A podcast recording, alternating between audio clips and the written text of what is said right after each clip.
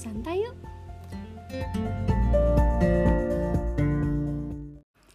Halo guys, selamat pagi, selamat siang, selamat sore, selamat malam.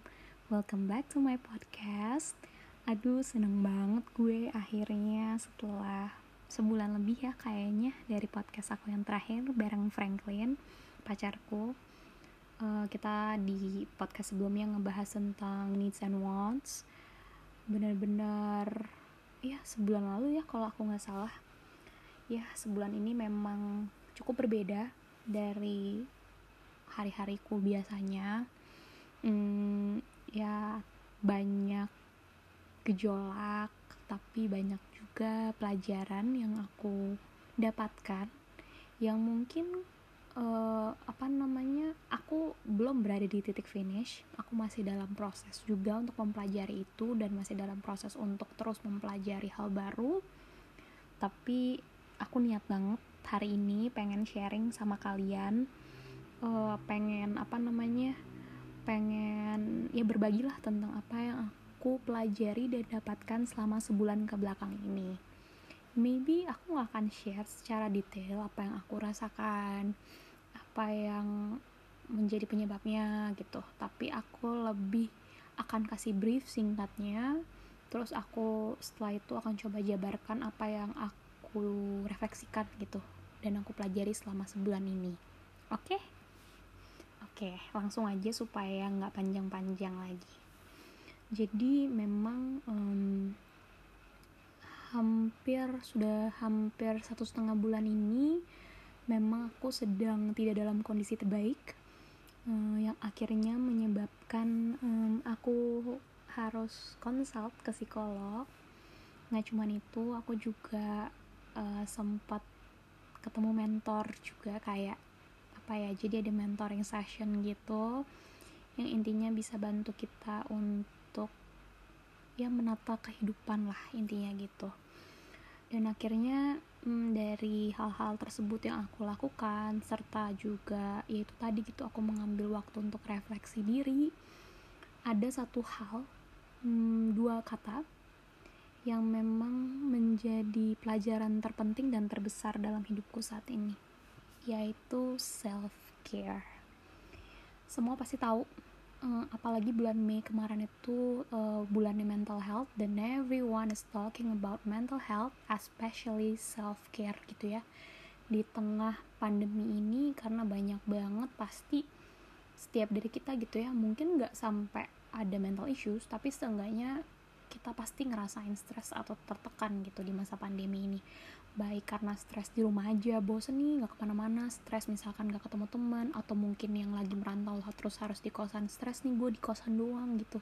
Nggak bisa ketemu siapa-siapa atau mungkin ada yang stres kehilangan pekerjaan stres gajinya dipotong. Ya intinya kita facing our own problems gitu. Tapi mungkin untuk sebagian orang ada yang efeknya lebih parah gitu sampai ke mental issues gitu. Makanya waktu Mei kemarin itu bener-bener di raise banget ya this thing called self care gitu. Nah self care itu apa sih sebenarnya? Macam-macam guys. Bisa kita lihat dari self care secara fisik seperti uh, makan makanan yang sehat gitu ya buah sayuran minum vitamin terus juga abis itu kita olahraga terus kita berjemur gitu kan terus abis itu juga mungkin kita bisa kayak hmm, apa yoga terus mungkin uh, luluran itu yang lebih ke fisik gitu ya sifatnya gitu kan baik itu melalui makanan maupun secara eksternal gitu. Tapi sering kali ada self care yang mungkin kita banyak lupa untuk lakukan gitu ya. Karena akhir-akhir ini kita tuh hidup dunia tuh terasa berputar lebih cepat.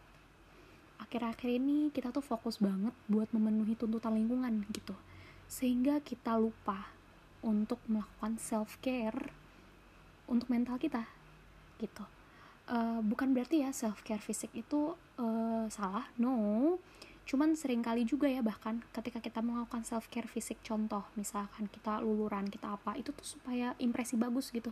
Biar dibilang orang ih cantik loh ih mulus kulit lo gitu ya dan segala macam. Dan it happen also to me gitu.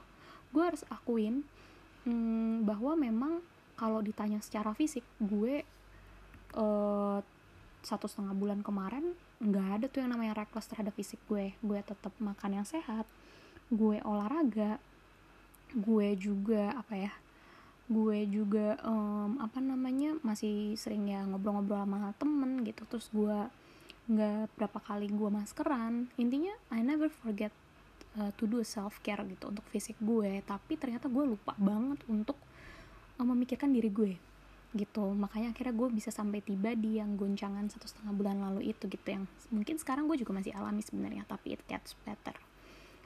Uh, gue sharing sedikit.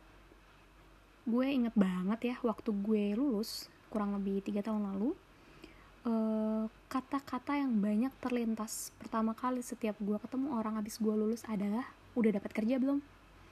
Atau udah ngelamar di mana aja bahkan kadang nggak lagi face to face nih. Misalkan contoh ya nyokap gue ngepost foto gue gitu waktu gue lulus. Itu tuh komen-komennya congrats congrats congrats congrats. Terus ntar PC-nya tuh gitu personal chatnya ya.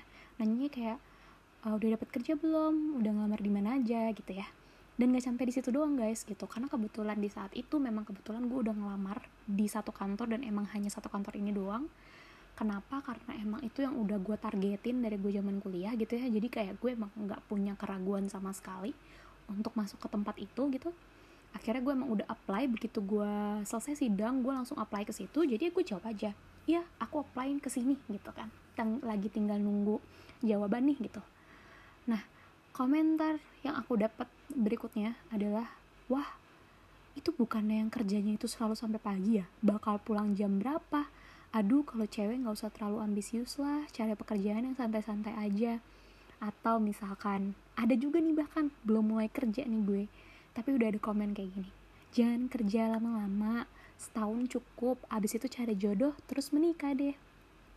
Kayak, hmm, gitu ya, apa sih namanya orang tuh kayak menentukan jalan hidup kita gitu tapi yang lucunya dari kita kita sering kali mencoba untuk memenuhi tuntutan tersebut untuk menyuguhkan impresi yang wow mengagumkan gitu menyuguhkan impresi bahwa kita sedang hidup dalam kehidupan yang perfect gitu kan? Sampai akhirnya kita semua tuh lupa buat melakukan hal dasar yang seharusnya penting untuk dilakukan. Selain daripada tadi ya olahraga makan sehat yoga apalagi tuh huluran mandi ya pokoknya semua perawatan-perawatan itu. Yaitu bertanya sama diri sendiri lo apa kabar hari ini? Lo happy nggak hari ini? Mau apa sih sebenarnya di hidup lo take time to reflect and talk to yourself dan appreciate yourself atas pencapaian yang lo udah capai sampai di hari itu gitu. Itu yang gue sangat-sangat miss bisa dibilang tiga tahun dalam hidup gue. Gue inget banget ya setelah gue pikir-pikir gitu ya waktu gue kuliah gue sangat mengapresiasi diri gue contoh kecil gitu ya I fight for my apa GPA gitu ya. Abis itu gue bener-bener treat diri gue banget. Kayak gue nabung gila-gilaan gitu ya. Terus gue belajar gila-gilaan biar gue dapat hadiah dari nyokap gue dan bokap gue habis itu ketika gue dapat duitnya gue liburan. Karena gue tahu yang bisa mengobat apa ya bukan mengobati sih. Yang bisa menyenangkan diri gue adalah liburan. Akhirnya gue liburan. Gue tuh selalu liburan setiap semester. Gitu kan. Kalaupun gue di di uh, liburan itu gue magang gue pasti akan tetap sisakan satu atau dua minggu terakhir untuk gue liburan gitu. Terus habis itu nggak cuma itu pas magang pun gue juga nggak nyari magang-magang yang memang benar-benar menghabiskan waktu gue untuk menikmati libur itu sendiri. Jadi kayak weekend gue ketemu teman atau mungkin bahkan on weekdays gue juga ketemu teman intinya gue selalu mengapresiasi diri gue setiap kali gue berhasil gue akan bilang thank you ke diri gue gue akan rawat diri gue gue cukupkan istirahatnya bila memang memungkinkan gitu ya. Dan ya itu tadi gue selalu tanya apa kabar Zevanya? Yang lo mau di hari ini apa? Lo bahagia nggak hari ini? Gitu. Dan selama tiga tahun ini gue sibuk untuk terus memenuhi impresi orang yang memang gak pernah akan ada habisnya. Ya sampai here I am gitu. Di satu setengah bulan lalu gue benar-benar merasa overwhelmed dengan semuanya nah ngomong-ngomong soal kabar soal bahagia uh, setiap orang itu punya tolak ukur masing-masing sebenarnya guys mengenai uh, definisi baik kabar baik itu seperti apa definisi kabar buruk itu seperti apa happy itu seperti apa sedih itu seperti apa gitu. Tapi ya itu balik lagi kayak yang tadi gue bilang karena kita miss out self care itu dan fokus untuk menyuguhkan impresi baik ke orang lain kita tuh sampai lupa definisi yang kita udah bikin gitu. Nah uh, sharing lagi satu tahun setelah gue lulus lah gitu ya itu mulai sih titik di mana gue nggak pernah apresiasi diri gue sama sekali. Waktu awal-awal lulus gue masih suka apresiasi diri cuman memang agak on and off gitu kan yang titik gong di mana gue bener udah lupa self care gue itu ya satu tahun setelah gue lulus sih gitu. Gue bener-bener definisi uh, apa ya mulai kehilangan arah. Selalu nggak puas sama diri sendiri akhirnya apa coba? Selalu nge-push diri gue gue hukum diri gue gue push diri gue tuh the limit yang sebenarnya udah lebih limit gue gitu. Tapi gue yang kayak selalu ngerasa enggak enggak gue bisa gue bisa gue bisa. Terus aja itu gue lakukan ke diri gue sendiri gitu. Tanpa pernah bertanya am I okay can I do this? Am I happy? Gitu. Dan yang lebih parahnya lagi gitu ya kita sebagai umat beragama pastikan kita doa ya sama Tuhan. I forgot that as well. Gila ya. Nah hmm, akhirnya apa sih? Kayak gue mulai nih nggak enjoy sama pekerjaan yang gue tahu. Sebenarnya gue passion banget gitu. Karena itu yang gue kejar ya waktu gue masih kuliah gitu. Nah uh, akhirnya tahu nggak apa? Pelan-pelan gitu ya di tahun kedua gue bekerja gue mulai merapikan CV gue mulai melamar di tempat-tempat dan di posisi-posisi yang memang dianggap keren sama sosial gitu ya. Mencari pekerjaan yang bisa membayar gue dengan gaji yang diidamkan orang-orang banyak gitu ya. Ya memang sih tentu ada sedikit tuntutan dari rumah juga cuman sebenarnya bukan yang signifikan banget juga gitu. Uh, I'm a sandwich generation tapi nggak sandwich juga deh. Gue kan belum punya anak ya. Tapi ya intinya nggak segede itu sebenarnya tuntutannya gitu. Dan sebenarnya bukan itu alasan gue untuk gue uh, mencari pekerjaan baru gitu. Tapi ya lebih ke itu aja. Kayak gue selalu merasa nggak puas sama pekerjaan gue gue selalu merasa pekerjaan gue ini salah. Gue selalu merasa pekerjaan gue ini kurang. Dan lain-lain gitu ya. Sampai akhirnya setelah gue dua setengah tahun bekerja di tempat yang emang gue idam-idamkan sejak gue kuliah gue resign resign ke mana? Resign ke sebuah kantor dan divisi yang gue sendiri juga kayak emang gue mau kerja di sini? Emang gue mau kerja di field ini? Gitu ya. Dan itu bahkan pertanyaan itu sampai gue hari pertama masuk di kantor baru gue masih bertanya-tanya gila ya kayak padahal prosesnya sebenarnya cukup lama gitu dari gue akhirnya um, mulai rapin CV mulai ngelamar sampai dapet kerjaan itu sampai akhirnya gue hari pertama kerja itu ada jedanya kok bukan yang langsung gitu tapi kayak gue even nggak bisa figure out jawabannya apa. Tapi akhirnya apa ya? Udah gue jalanin aja gitu. Dan lucunya pertanyaan tadi baru terjawab sekitar dua minggu lalu. Uh, waktu masa-masa libur lebaran tuh. Kan lumayan agak panjang ya. Walaupun gue sebenarnya nggak cuti sih tapi kayak karena bos gue cuti siapa cuti. Jadi akhirnya ya ya udah berasanya kayak cuti aja gitu. Jadi gue punya waktu refleksi yang sangat-sangat cukup sih di waktu liburan kemarin gitu ya. Libur lebaran kemarin. Akhirnya apa sih ketika gue masuk ke kantor yang kedua ini? Gue terus merasa nggak puas gue terus merasa ada yang salah. Dan lagi-lagi gue ngehukum diri gue sendiri. And you know what? Akhirnya gue akhirnya gue resign lagi dari kantor gue yang kedua. Dan gue pindah ke kantor yang ketiga bayangin dalam rentang waktu 6 bulan gue pindah kantor yang ketiga. Alasannya apa? Jujur 30% ada alasan valid sih. Memang karena lingkungan pekerjaan gue tuh hmm, how to say this ya. Bisa gue bilang intinya sebenarnya mereka belum butuh gue tapi memaksakan posisi gue untuk ada gitu. Jadi akhirnya gue digaji tapi gue merasa gue kayak nggak ada faedahnya di kantor itu gitu. Gue kurang ada manfaatnya gitu. Nah tapi 70% itu lebih ke karena gue merasa gue kurang terpandang di kantor yang sekarang gue juga merasa gaji gue kurang dibandingin teman-teman seumuran gue which padahal setelah gue pikir-pikir nggak juga sih sebenarnya gitu ya akhirnya gue pindah ke kantor yang ketiga kantor gue yang sekarang ini di mana gue bisa mendapatkan gaji yang layak, yap, I admit that. Jambatan yang dipandang, yap, dan berada di kantor yang semua orang pasti mau masuk kantor ini. Nah, wondering gak sih, am I happy now? Nope, justru itu adalah trigger gue akhirnya satu setengah bulan lalu memilih untuk konsult ke psikolog gue hmm, apa ya intinya sempat ada dalam masa benar-benar gue nggak bisa grounding literally nggak sadar apa yang sedang terjadi di hidup gue. Gue benar-benar seperti nggak punya kontrol atas perasaan gue pikiran gue sampai gue sulit tidur gitu ya. Uh, dan akhirnya gue decide untuk konsult ke psikolog.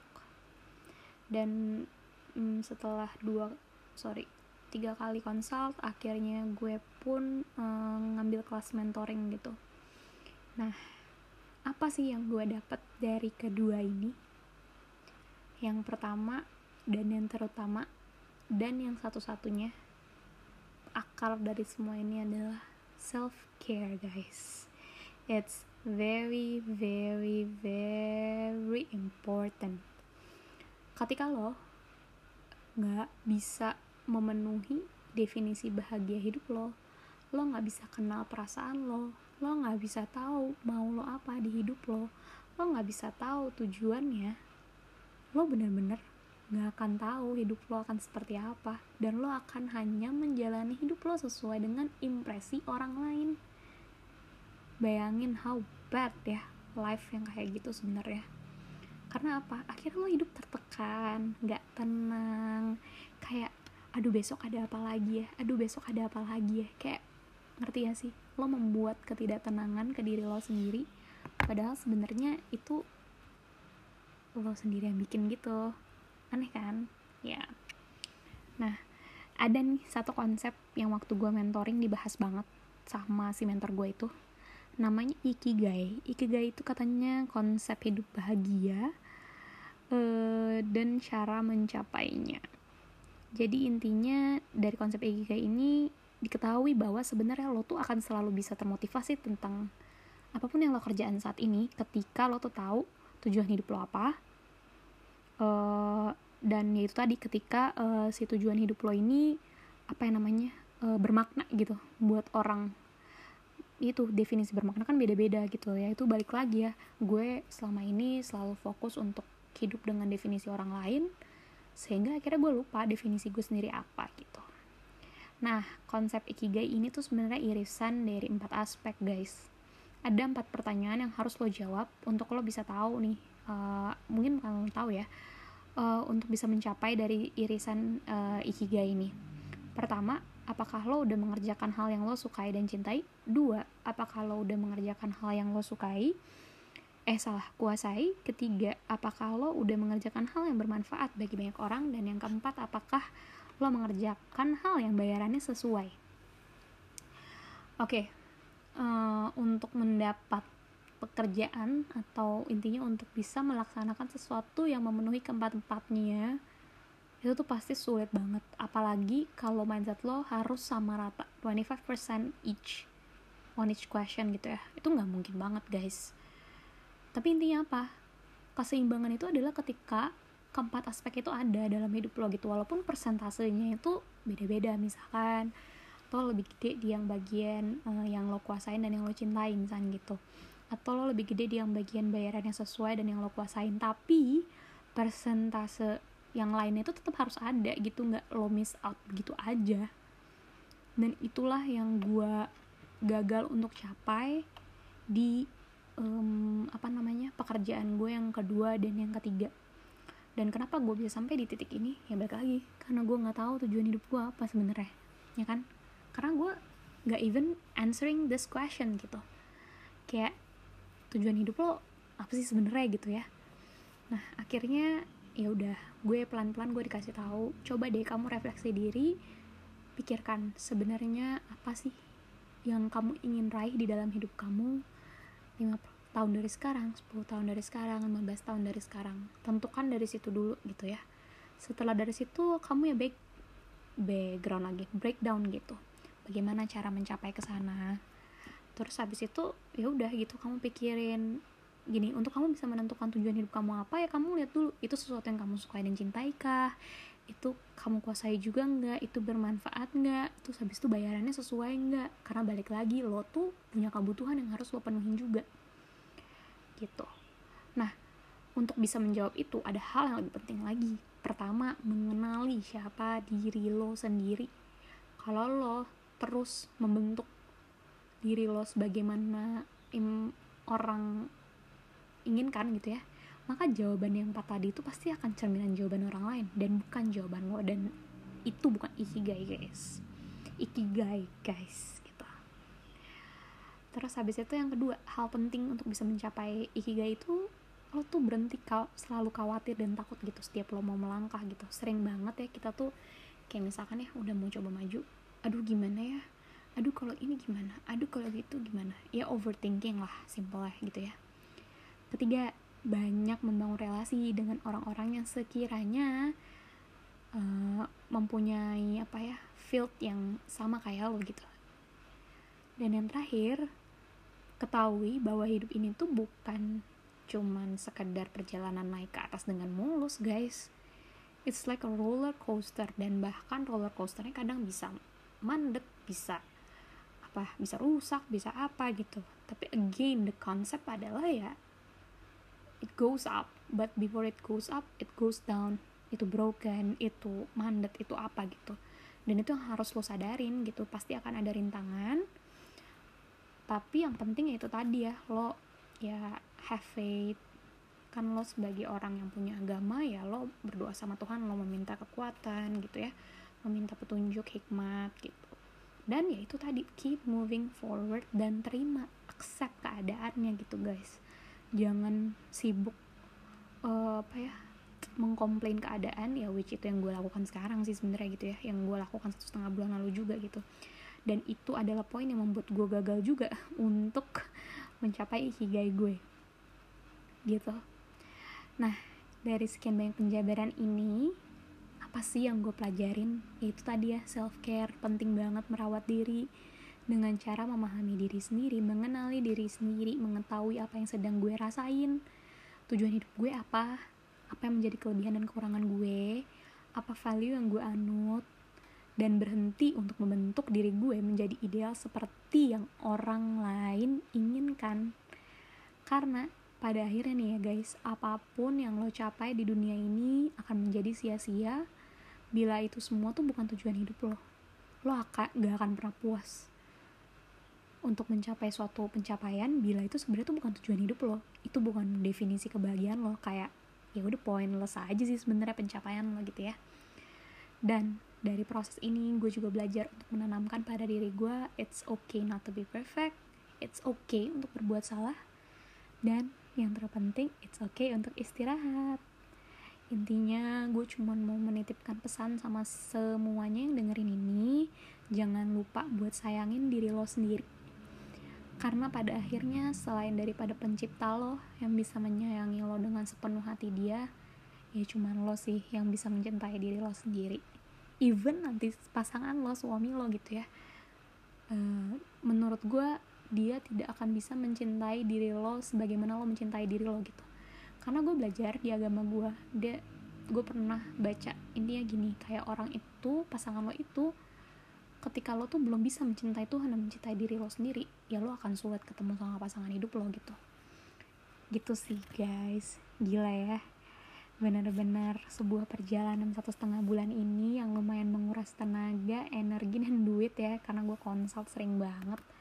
Nggak sering sih. Ya lumayan lah gitu ya sekali konsult dan itu tadi gitu ya guys. Gue sekarang masih berproses. Gue masih dalam pelajaran untuk terus mengenal diri gue gue juga lagi dalam proses untuk menentukan tujuan hidup gue mungkin nanti gue akan sharing once gue udah berhasil step by step apa yang akan gue lakukan gitu ya. Tapi intinya di hari ini gue lebih pengen sharing proses hidup gue satu setengah bulan ini gue kenapa ngapain dan pengen nge-highlight tentang betapa pentingnya self care buat kita semua gitu guys. Karena self care itu bukan berarti lo egois. Justru artinya lo tuh uh, bersyukur karena lo tuh merawat apa yang Tuhan sudah ciptakan yaitu diri lo sendiri. Oke, okay, see you on my next podcast. Bye.